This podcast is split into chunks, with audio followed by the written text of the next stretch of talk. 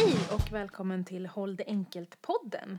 Idag kommer vi prata om hur du som jobbar med annat än kommunikation och marknadsföring kan jobba aktivt med sociala medier i din verksamhet. Vi som pratar är Stina Kollberg och Lotta Gretschek. och till vardags jobbar vi på Naja Kommunikation. Det här är del två och vi fokuserar på hur du kan ta reda på mer om din målgrupps behov och beteende. Hur ska man prata med sina kunder? Hur ska man bete sig som företag? Vilka förväntningar är rimliga att ha? Modern marknadsföring handlar om att vara attraktiv.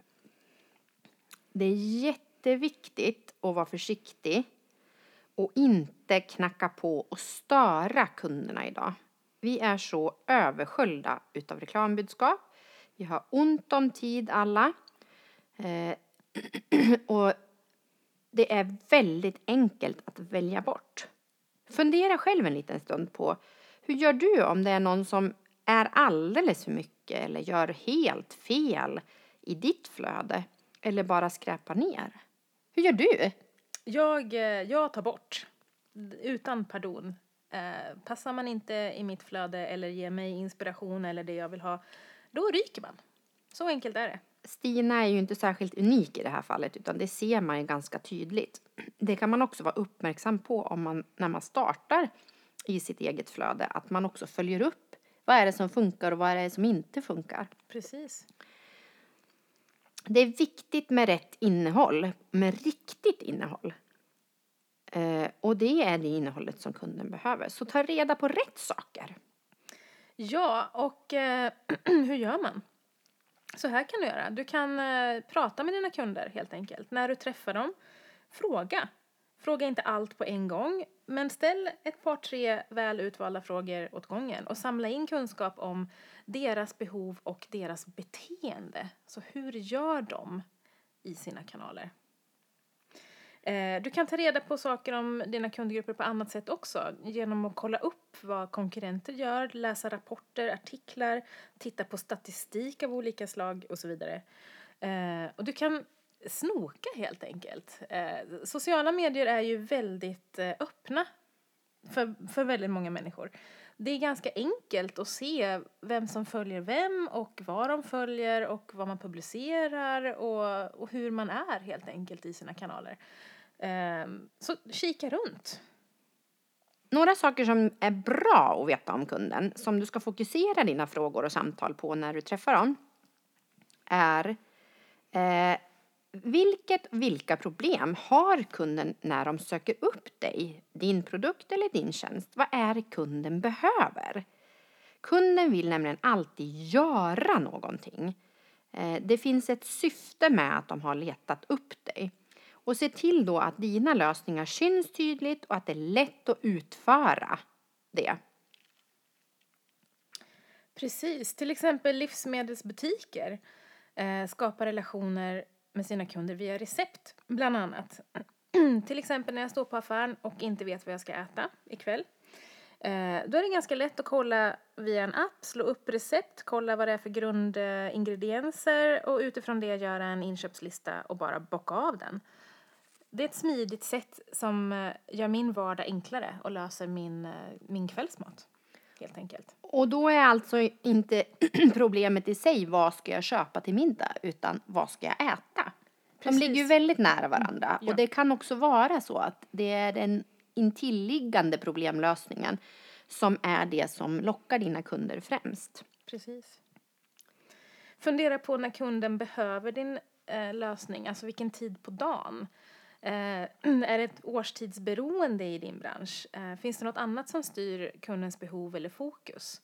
Alltså vad konkurrerar du om och kan du svara upp mot det eller ska du söka en annan typ av lösning? Um, det här är bra att ha med sig i, i bakhuvudet att många människor idag har väldigt ont om tid. Vilken tid konkurrerar du med? Eh, det kan ofta vara samma tid som när man umgås med barnen, man lagar mat eller man ska ta hand om en gammal förälder och så vidare, uträtta bankärenden.